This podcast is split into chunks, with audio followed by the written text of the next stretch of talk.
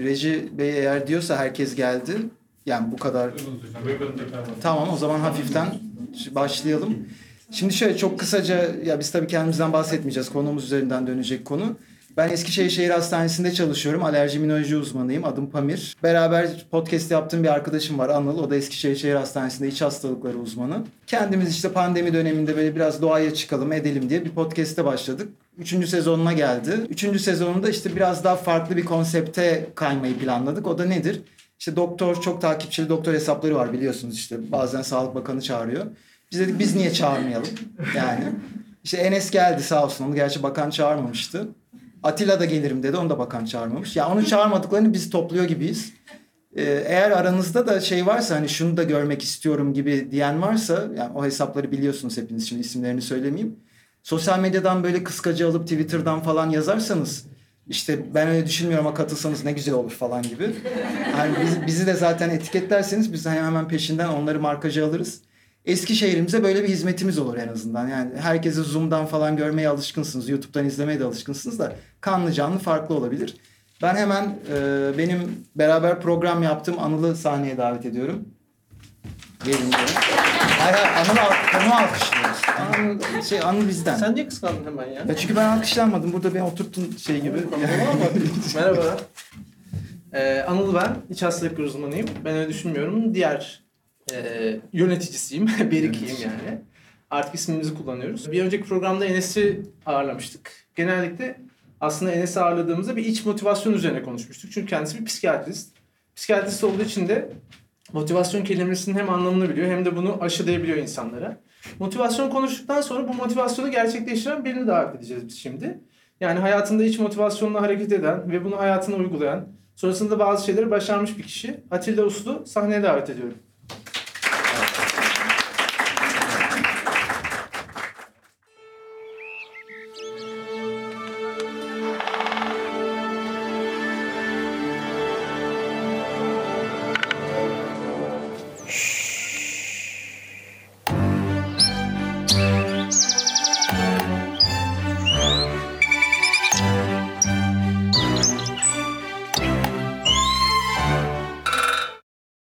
Geldin.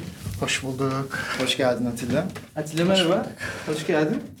Tabii şimdi e, iki gündür Eskişehir'desin. Nasıl Evet. buldun Eskişehir'i? Önce onu sana sorayım. Eskişehir güzel ya. Yani Afyon, ben uzun yıllardan beri Ankara'daydım. İşte yeni bir yıldan beri yaklaşık Afyon'dayım. Afyon'dan sonra bir nefes alma gibi oldu bizim için yani. Afyon, Afyon'da o kadar bunaldık ki artık. Afyonlu var mı bilmiyorum burada ama hani onlar da bulamıyor. Yokmuş. Bu, yani Siz sizin keşke gelip nefes alsalardı biraz yani gerçekten. İkinci- Afyon'dan çıkmak güzel olabilir. Evet, iki geldin. İkinci sorumuzu bu sefer sana değil. e, burada e, Mustafa burada mı acaba? Ona soracağım. Mustafa'cığım bir ayağa kalkar mısın? Organizasyonda Tarık'la beraber çalışan kişi. Ben onu. Kendisinin numarası çeşitli sosyal medya hesaplarında ifşa olmuş durumda. Bu konuda rahatsızlığını belki dile getirmek ister. Mustafa'cığım e, sen ayaktayken ben herkese sorayım. Bu adam sizden para aldı mı? Önce onu sorayım. Tamam öyle. Zaten biliyorsunuz. Yani Hayır, biz katılım ücretsiz diye biliyoruz da ama tabii organizasyonu Mustafa yaptığı için Şimdi alsam aslında fena olmaz. bu aralar doktorun hali gerçekten. Eğer aldıysa biz arkadaştan tahsil etmeyi düşünüyoruz çünkü.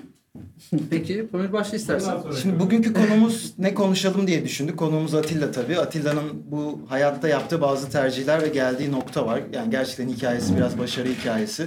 Ben önceden de tanıyorum Atilla'yı. Ankara Tıp'ta beraber çalıştığımız bir dönem vardı. Burada biraz Atilla'nın geçmişine odaklanıp hikayeyi bugüne getireceğiz. Hani bugüne nasıl geldi gibi. Çünkü geçmişe odaklanmak önemli. Yani antik filozoflardan Seneca'nın da dediği gibi geçmişi unutanlar için hayat çok kaygılıdır diyor. Ancak geçmişi biz hatırlayarak ve oradan dersler çıkararak bugün ne kadar mesafe kat ettiğimizi ve nerede olduğumuzu bilebiliriz ve onu kavrayabiliriz. O yüzden Atilla eğer yani bu- doğduğun andan bu ana kadar ki evet doğu doğumdan giriyorum. Şeyden neydi yükselenin neydi yok oralara girmeyeceğiz. İkizler benim her şeyim onu da söyleyeyim. Doğduğun andan bugüne kadarki anı tam bir yolculuk olarak düşünürsen eğer bizi bir üniversiteye kadar çok kısaca getirir misin? Yani mesela sen lise hayatında ya da orta öğretim hayatında işte ön sırada o parmak kaldıran çalışkan öğrenci, işte ta ortaokulda lisede ben doktor olacağım diyen o kararı vermiş öğrenci miydin? Evet. Biraz öyle. Bunu tahmin ediyordum yani. Şimdi ben şeye çok inanıyorum. Gerçekten ne insanın bir e, artık yetiştiği ortam ya da bir şekilde bir iç motivasyonu gelişiyor. E, ve bu küçük yaşlardan itibaren oturuyor. Yani sonradan böyle sihirli bir dönüşüm çok nadiren oluyordur belki. E, genellikle insanlarda ben bunun olduğunu düşünmüyorum. E, ben hep ön, ön sırada değil, arka sırada oturan ama hep çalışkan bir öğrenciydim. Bütün okullarda bitirirken bir şekilde derece yaptım. Mesela şey vardır ya ilkokulda gidersiniz işte ödev verilir size. Hani bilmiyorum siz ödevi hemen eve girdiğiniz andan itibaren yapanlardan mıydınız yoksa daha erteleyenlerden miydiniz? Ben eve girdikten sonra okuldan ilk saatte bütün ödevlerimi bitirdim. Ve sonrasında kendi hayatımla ilgili başka şeyler yapardım. İşte oyun oynardım vesaire.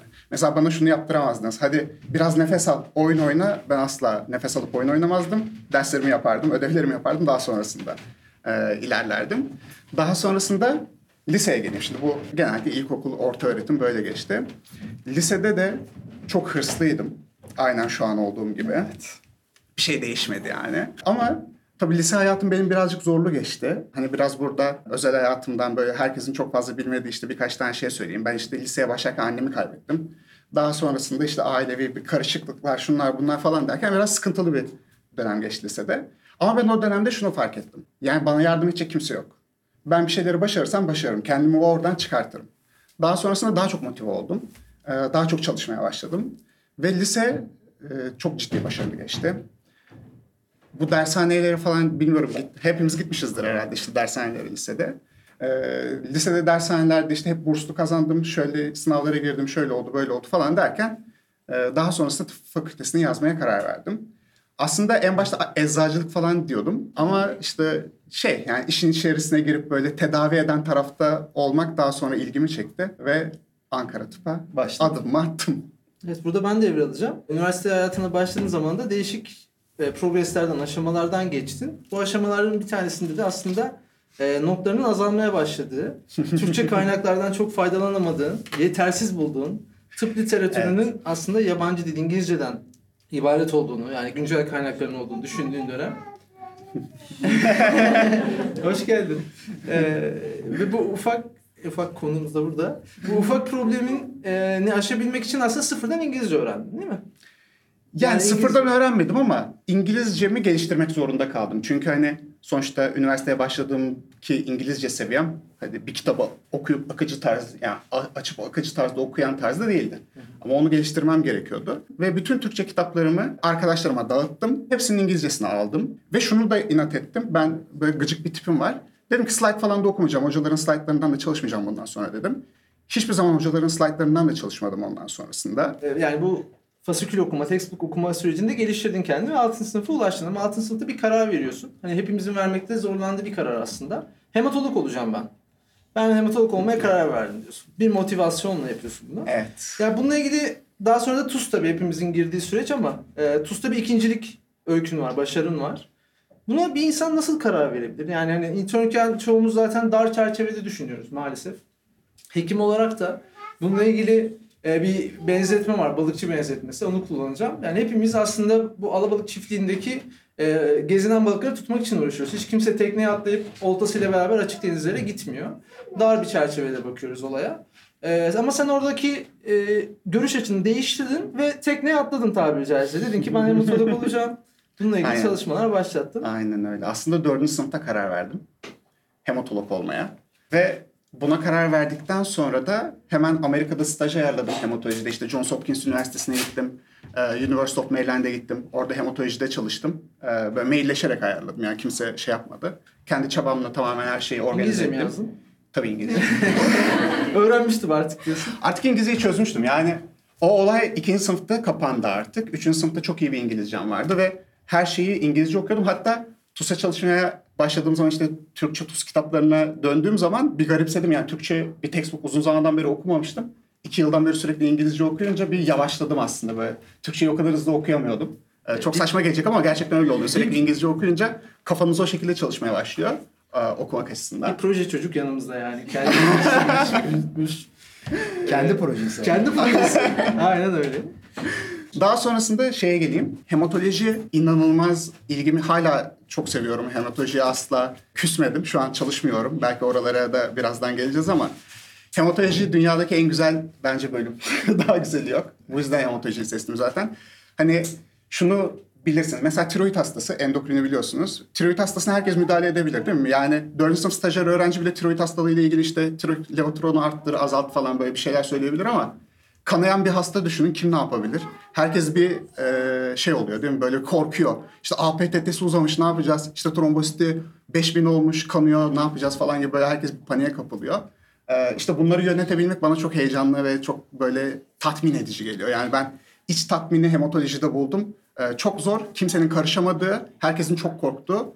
Ama siz için içinde olunca o güveni sağladıktan sonra böyle çok iyi hissediyorsunuz kendinizi. Ya Pamir sen hematolojiye dair bir şey hatırlıyor musun? Ben birbirine sürekli yiyen hücreler falan hatırlıyorum. Şimdi hematoloji eğer şeyler. en güzel branş olsaydı ben yazardım.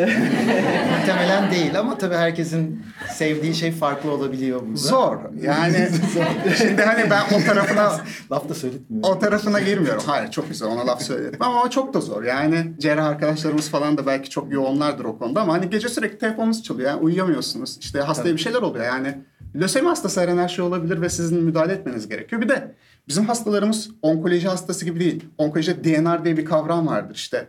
Hani terminal dönem artık. Hani bir umudunuz yok ama hematolojide her zaman umudunuz oluyor. Yani hasta nakil yapıyorsunuz, nüksetse bile hala umudunuz var. Şimdi bir de CAR T-seller falan çıktı böyle. Yani acayip acayip şeyler oluyor hematolojide. Şimdi Atilla'nın heyecanına ben biraz burada ara vereceğim. O biraz soluklansın. Sanki Atilla yokmuş gibi işte dış ses olur ya birinin hikayesini anlatırken belgesellerde. Ondan bahsedeceğim. Aslında gördüğümüz hani lisedeyken dahi doktor olacağını, doktor olmayı kafasına koymuş biri ve ikinci sınıftayken İngilizce kaynaklardan çalışmasının faydasını dördüncü sınıfta Amerika'da John Hopkins'e giderek e, karşılığını almış. Muhtemelen o dönem İngilizceyi o kadar sökmeseydi Amerika'ya gidecek kadar belki kendine güveni oluşamayacaktı. 6. sınıftayken ise hematoloji yani bırakın dahiliye yazmayı. Dahiliye sonuçta TUS sınavıyla yazılıyor. Yan dalda ne yazacağına karar vermiş ve oraya gelmiş bir karakter görüyoruz. Yani devamlı kendini aslında 10 yıl sonra nerede olacağım diye sormuş adeta ve oraya da varmış. Bu kadar yani isteğinin farkında ve çok hırslı bir karakter. Biraz A tipi bir kişilik. Orası artık patolojik değil, orası tartışılır ama iyi yönetmiş yani oraları. Şimdi benim Atilla ile tanışmam Atilla'nın asistanlarının ikinci senesinde oluyor. Ben de Ankara Tıp'ta o zamanlar yan dalcıydım. Ve bir anda bizim elektriğimiz tuttu, kaynaştık. Atilla zaten son derece yani videolarda görüyorsunuz ama gerçek hali de öyledir. Son derece pozitif, devamlı güler yüzlü işte o gamzelerini biliyorsunuz zaten. Şeyleri e, devamlı onlarla beraber Gözü pozlar. Gerçek- kaybolur böyle Japon karakteri gibi. Ben görünce gözleri falan böyle acayip düşünüyor. Böyle görünmüyor. Çizgi. sempatik, arkadaş çevresi geniş bir e, asistandı. Herkes tarafından sevilen bir asistandı. Ama şöyle en çalışkan asistanımız mıydı? Şimdi bir yani orada uzman ya da hoca asistanı nasıl değerlendirir? Angarya işleri de eğer hallediyorsa kendi içinden gelerek o asistana dersin ki ha bu çalışkan tamam her işi hallediyor. Atilla öyle değildi. Atilla Angarya işleri her zaman halletmezdi ama diğer bütün işleri çok güzel hallederdi. Şöyle bir özelliği vardı Atilla'nın. Yaptığı işi sevdiği zaman yani kendine bir faydası olacağını gördüğünde onu muazzam bir disiplinle yapardı. Diğer işleri ise en az eforla halletmenin yolunu bulurdu. Ya yapardı ama en az eforla hallederdi onları. Hani ben Atilla'yı hep böyle tanıdım, böyle gördüm. Genelde hep gördüğüm hani sana faydası olacak bir iş olduğunda ona tam bir tutunman. Bu nedenle şunu söylemek istiyorum aslında. Hani çalışkan, en çalışkan asistan değildi dedim ya. O bizim bakış açımızdan öyle değildi.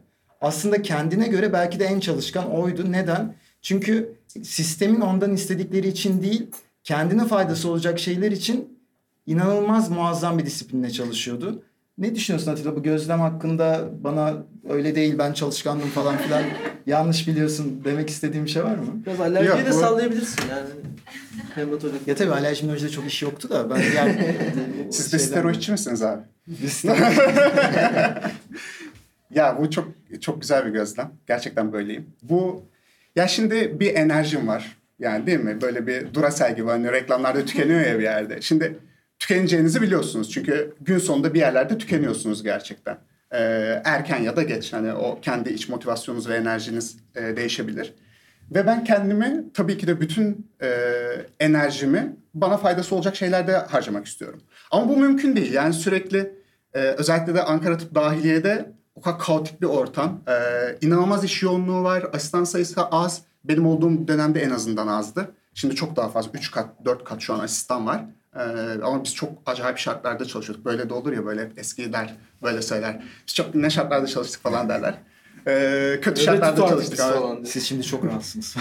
tabii tabii nöbet, nöbet şeyi de çok enteresandır. Biz böyle 13-14 nöbet tutardık mesela. Ee, sonra işte ben kıdemliyken çömezler gelirdi. 7 nöbet olunca çok fazla bu nasıl tutacağız falan derlerdi. Böyle biz de güler geçerdik. Ha. Tutarsınız tutarsınız falan derdik ama gerçekten zor bir dönemdi.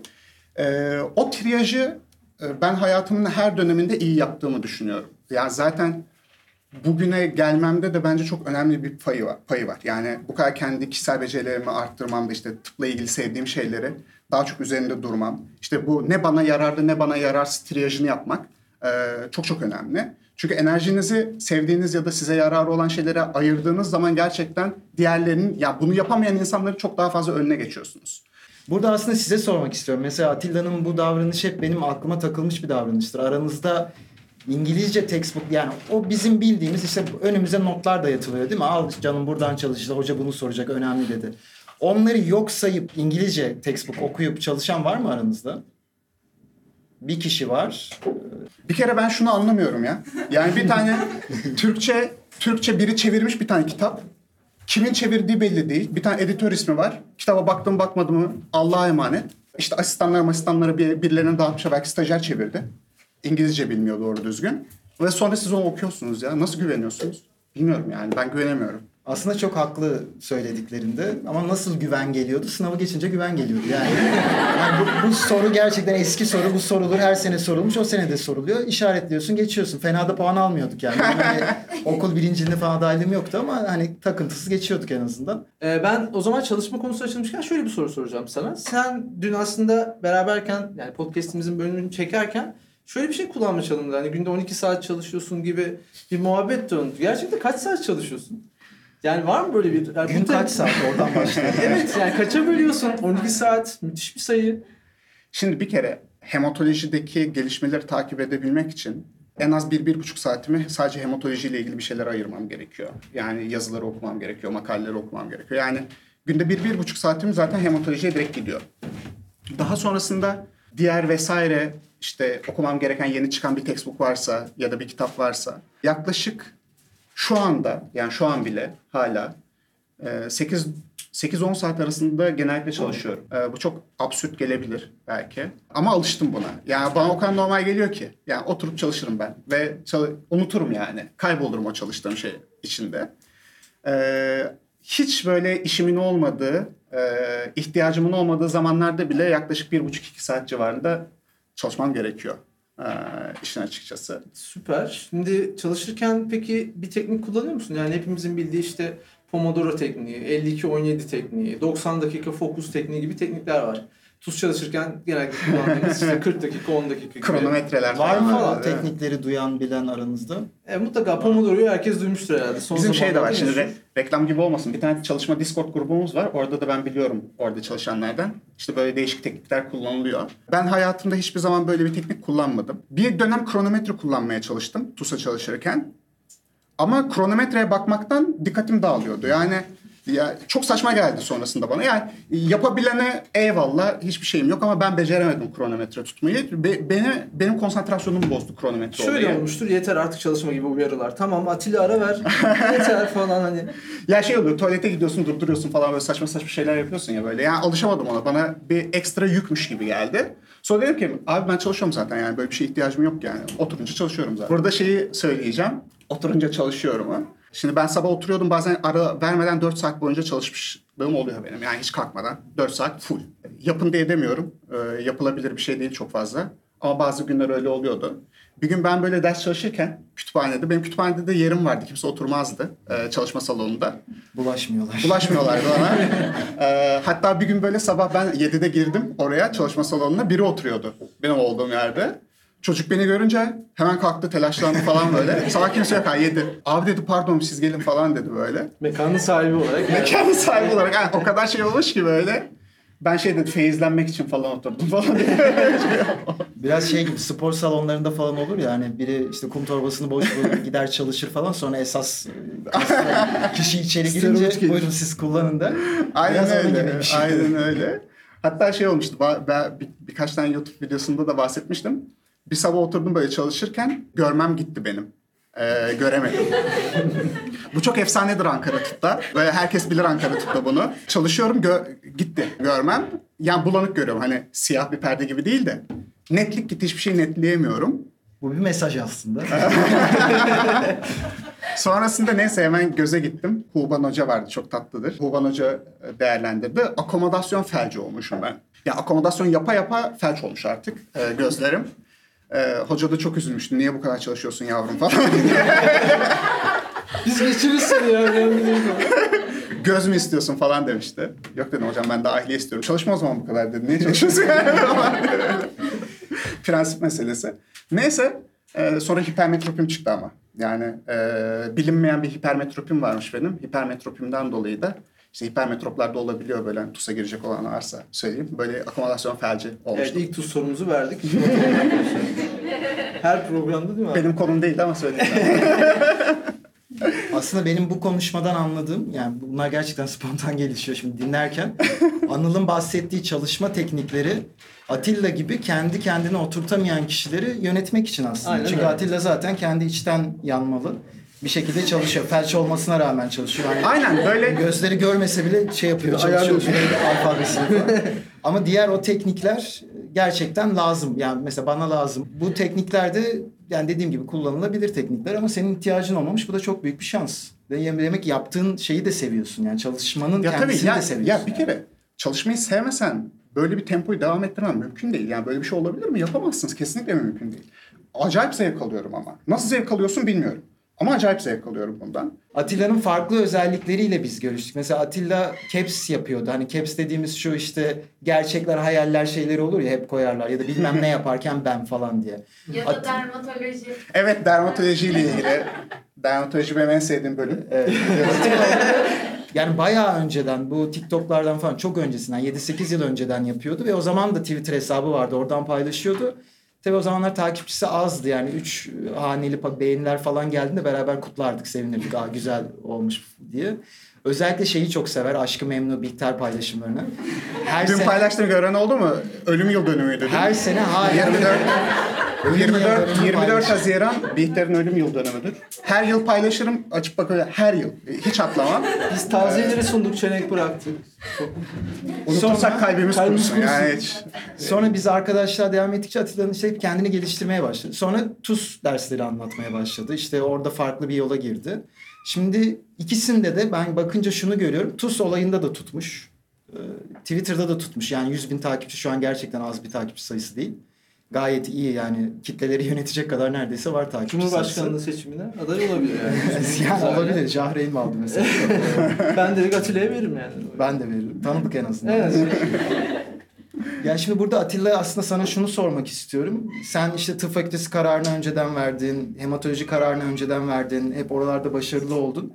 Bu TUS dershaneciliği yani TUS'ta TUS anlatımı diyelim ya da Caps'lerde Twitter hesabında da bu kadar başarılı olacağını o günler yani ilk başladığında daha 100 takipçin varken ya da ilk defa ders anlatırken yine kafaya koymuş muydun? Yoksa biraz daha yolda mı gelişti olay?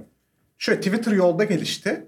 Ama dershane olayına başladıktan sonra tabii ki de e, başarılı yani ilk, ilk günden itibaren çok başarılı olma. Ya bir kere bu benim karakterim. Yani ben bir iş yapıyorsam e, orta seviyede ya da standart seviyede olmasını istemiyorum. Yani bu benim kişilik özelliğim. Yani mutlaka en üst yani en üstü zorlayan yani mümkünse de en üstte olan bir iş olmalı. E, eğer bunun olmayacağını düşünüyorsam o işe başlamam zaten kesinlikle. E, onu yapamayacağıma inanıyorsam ya da öyle bir şey olursa.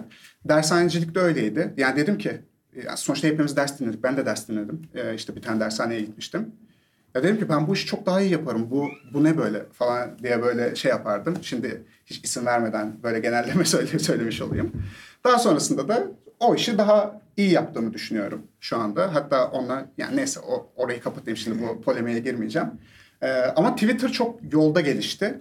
E, Twitter'da bir amacım yoktu. Ben öylesine giriyordum Twitter'a. İşte caps maps paylaşırım arada falan diye. Çok butikti bu arada capslerim benim. Böyle arkadaş arasında falan şey yapardık. Sonra birden fark edildi. Büyümeye başladı capsler. Hatta şöyle bir şey olmuştu. Biri bana gelip benim yaptığım caps'i gösterdi. Başka biri paylaşmış. Çok komik bir şey. Ee, abi bunu gördün mü baksana çok komik değil mi falan diye baktım böyle. Bunu ben yaptım ya falan dedim. bu benim bir yıl önce falan yapmıştım mesela. Hani çünkü başkaları sahiplendi falan böyle saçma saçma şeyler oldu. Çok olur sosyal medyada böyle şeyler. Sonrasında bir arkadaşla iddiaya girdik biz. Twitter'da bazı bazı yerlerde de bahsediyorum burada da söyleyeyim. Ev arkadaşımla.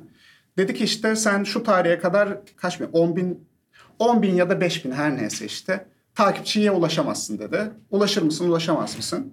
Ulaşırım ben dedim yani böyle e, iddia varsa ulaşırım.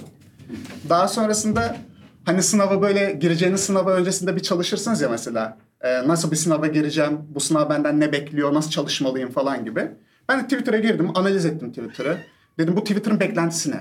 Ee, işte neler daha çok beğeniliyor. Bu bir gerçek ha. Yani gerçekten böyle yaptım. Analiz yaptım yani. Oturdum baktım en çok beğenilen şeyler ne Twitter'da. Ee, insanlar neler hoşuna gidiyor diye. Sonrasında onu yaptım. Öyle Kedi var şeyler mesela. paylaşmaya. Kedi var. Kedi videoları. Atilla iddia neydi? Daha neydi hatırlamıyorum ya. İşte bu karar. Yani önemli olan orada iddiaya girmek. Evet, evet önemli olan karşındakini e, mahcup etmek. bir şeyin en iyisini yapmayacaksam hadi başlamayacağım dediniz. Ee, peki o zaman hiç mi hobi edinemediniz? Çünkü yani hobi kafa dağıtmak için yapılan bir şeydir benim gözümde. Şimdi şöyle hiç öyle bir düşünceye kapılmadım. Yani o benim mantığım ama hani bir şeye başlamak istediysem zaten hani diyorum ki ben burada en iyisi olurum diyerek başladım. Mesela bir örnek vereyim. Video oyunları gibi. Ee, işte video oyunları ile ilgili yapılan turnuvalarda da işte Türkiye derecesi işte Manisa o zaman Manisa'daydım işte lisedeyken. İşte Manisa derecesi şu Counter'dı mantırdı falan gibi böyle hala oynanıyor Counter Strike falan gibi şeylerde. Yani hepsinde e, çalışıp mesai harcayıp en e, şeyini yaptım yani. Bu oyun En- en benden ne iyisini yaptım. istiyor? Bu adamı bulmam gerekiyor bana.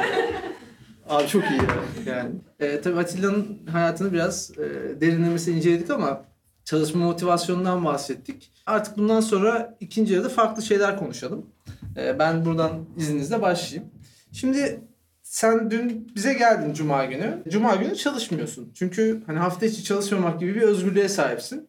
Evet, Burada bazı acil doktorların da acil uzmanların da sahip olduğu bir özellik. Hafta içi çalışmamak çok güzel bir şey. Öyle düşünüyorum. Ve bundan dolayı da herhalde e, mutlusun. Kendi işinin patronusun. Kendin sermayeni kendin yönetiyorsun.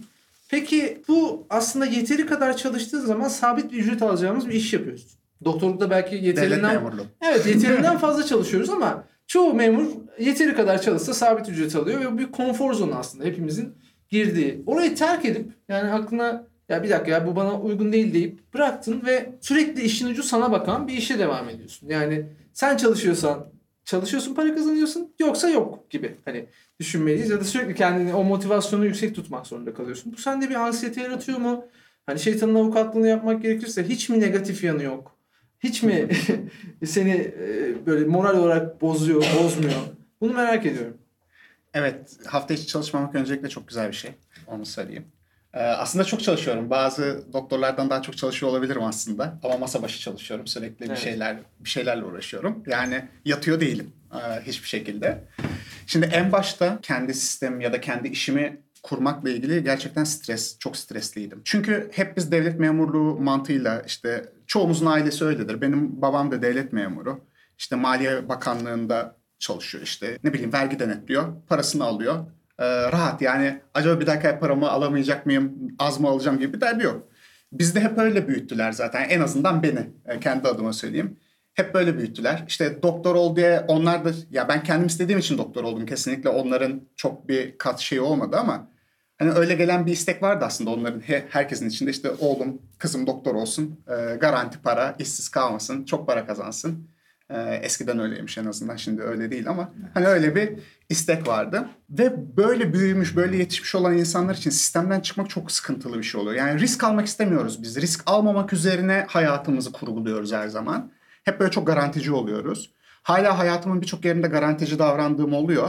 Ee, ama mesela işte doktorluğu tamamen bırakmam şu an klinik hayatı. Ee, şimdilik ara vermem diyeyim. Ve kendi işimi kurmam çok büyük bir anksiyeteydi en başta.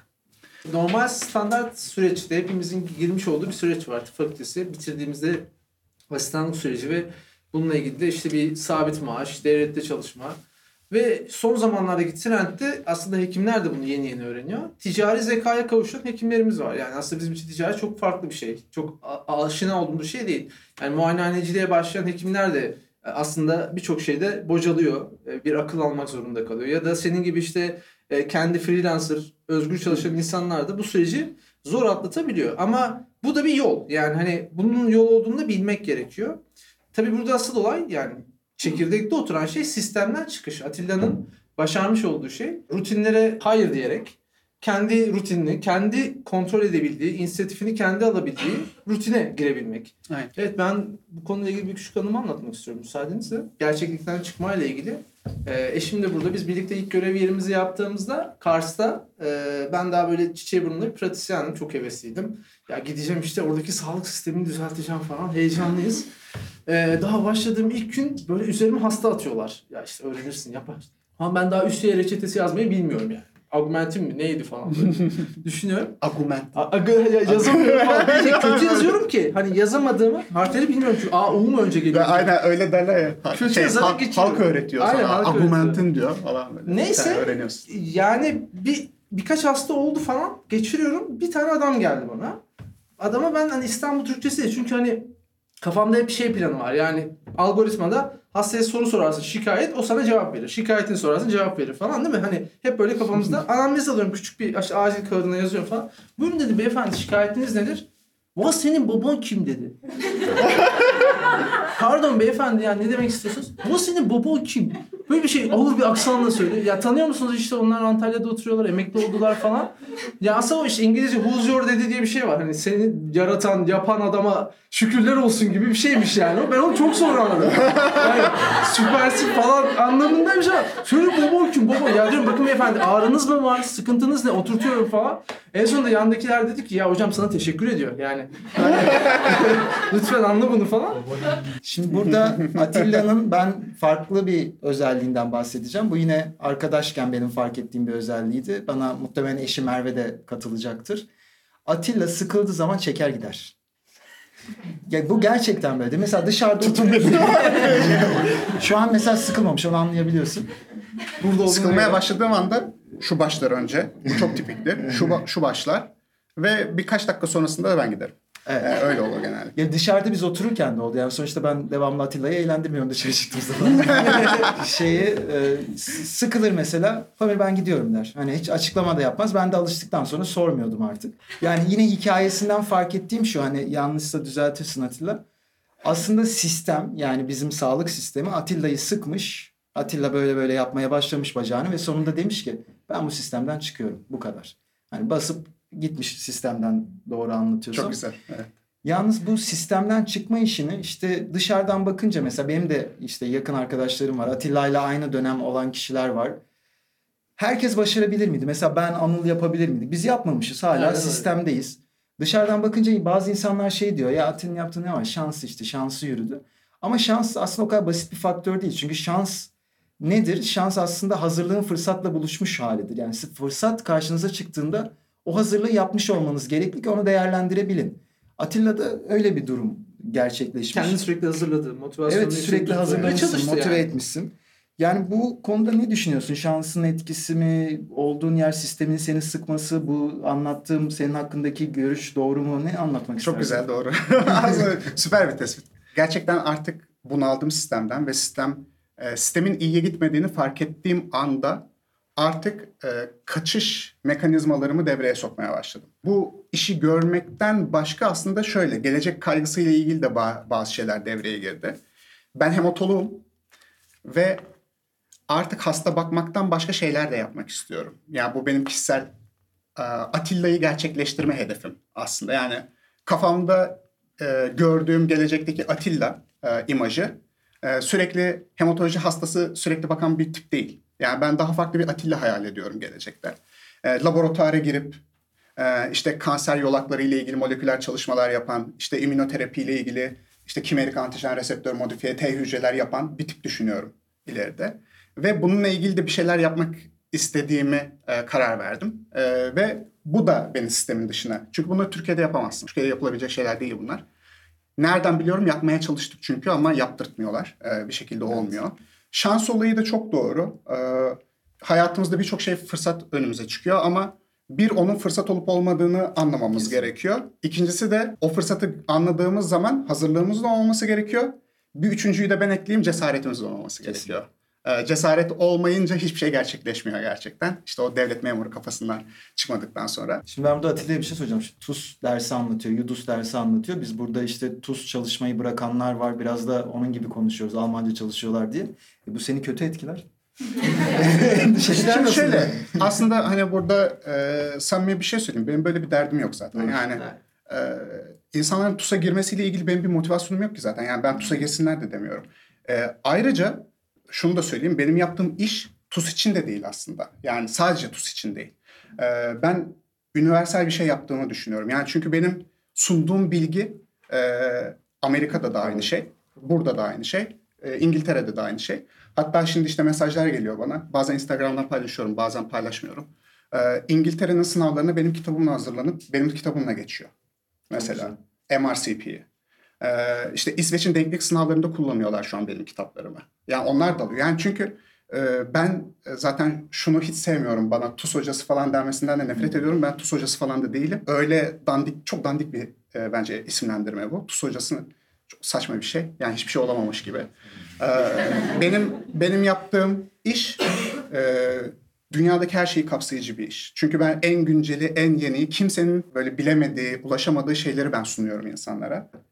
Burada ben de bir itirafta bulunayım. Yani Atilla'nın videolarını ben de takip ediyorum. Onların hepsini, çoğunluğunu izlemeye çalışıyorum. Alerji immünoloji ile ilgili bir video yaptığında da çok seviniyorum. Yani bir şeyler öğreneceğim, bileceğim diye. Kaynakları da gerçekten güncel. En son yaptığı bir videoda bahsetti işte son baskı şu an Harrison var herhalde. Onu alıp şey yaptın yine bir Ya Harrison videoda. daha baskı olarak çıkmadan ben bitirdim Evet. zaten Harrison. Çünkü erken erişimi online olarak açılıyor. Benim de erişimim vardı. Ya mesela o YouTube'da Bitirdim. o biraz da ücretsiz de sunduğum bir içerik ve tek değil mi yani sonucu? Tabii tabii tanıtım- yani ya her şey şey de değil. Yani yani şimdi e, tabii ki de yaptığım bir emek e, ve background yani ben bun- bunca sene çalışmışım, bir, bir bilgi birikimi yapmışım ve şu anda ciddi çalışıp bir emek e, sarf ediyorum. Bunun tabii ki de maddi karşılığını bekliyorum. Yani hiç maddi bir şey beklemiyorum işte herkese yapayım. Yani böyle bir şey ola- olamaz. İnsan doğasına aykırı. Bu tabii ki de bekliyorum. Maddi bir beklentim var. Ama e, bu maddi beklentiyi ayrı bir yere koyuyorum. Biri de hani sosyal sorumluluk projesi gibi e, hissettiğim bir şey var. Çünkü ben e, dershanede çalışırken birçok tıp fakültesine ders anlatma fırsatım oldu. E, bir sürü şehre gittim.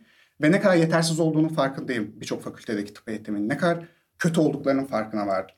Ve buna bunun farkına vardıkça e, bu açığı kapatabilmek için en azından klinik olarak bu açığı kapatabilmek için de YouTube'da farklı şeyler yapmaya başladım. Tabii teşekkür etmek istiyorum Atilla Hocama. Ee, Ben bu Mart TUS'uyla yerleştim. Ondan öncesinde iki buçuk sene kadar bir TUS hazırlığım vardı. Ee, Az önceki arkadaşımızın bahsettiği gibi hafif bir vizyonsuzluk. Ee, Dördüncü sınıftan, beşinci sınıftan beri TUS çalışmaya çalışıyordum. Atilla Hocam'ın videolarıyla sürekli kütüphanede çalışırdım. Eve gelir yemek yerken işte Atilla Hocam'ın videolarını açar, onları izlerdim. Arkada telefonun e, hafızası biraz sıkıntı. Arkadaşlarımın fotoğraflarını siler. Onların SS'leri Ee, bu sınavla yerleştim. Ee, çok teşekkür ediyorum önce kendisine. Videoları da gerçekten e, sadece TUS için değil, TUS'a da çok katkısı oluyor diğer sınavlara da. Ee, güzel bir hekimlik e, bakış açısı, hekimlik vizyonu kazandırdığını düşünüyorum. Çok teşekkür ederim. Tercih döneminde de çok yardımcı oldu. Ben diğer hem Atilla'yı e, hem arkadaşlarla. Biraz Teşekkür ederim. Yerleştiğiniz için de tebrik ediyorum. Mesela böyle şey. Mesela şimdi tatmin, işte hematolojide Evet. tatmin olmuyorum ya şu an. Mesela tatminlerimden biri bu şekilde oluyor. Çok da böyle güzel interaksiyonlarla oluyor Evet, gerçekten. direkt birebir bir olay. Yani normalde belki video yorumlarına yazmışsınızdır ama böyle Şu- tabii kanlı canlı olunca Videoların altında böyle sürekli bir video yorumlarında şeyler de var. Yani sadece işte doktor hanımın da dediği gibi Atilla'nın TUS anlatımı ya da sınava yönelik anlatımı değil. Bir yaşam enerjisi var zaten görüyorsunuz. Bir pozitifliği var. Hepinize geldiğiniz için teşekkür, teşekkür ederiz.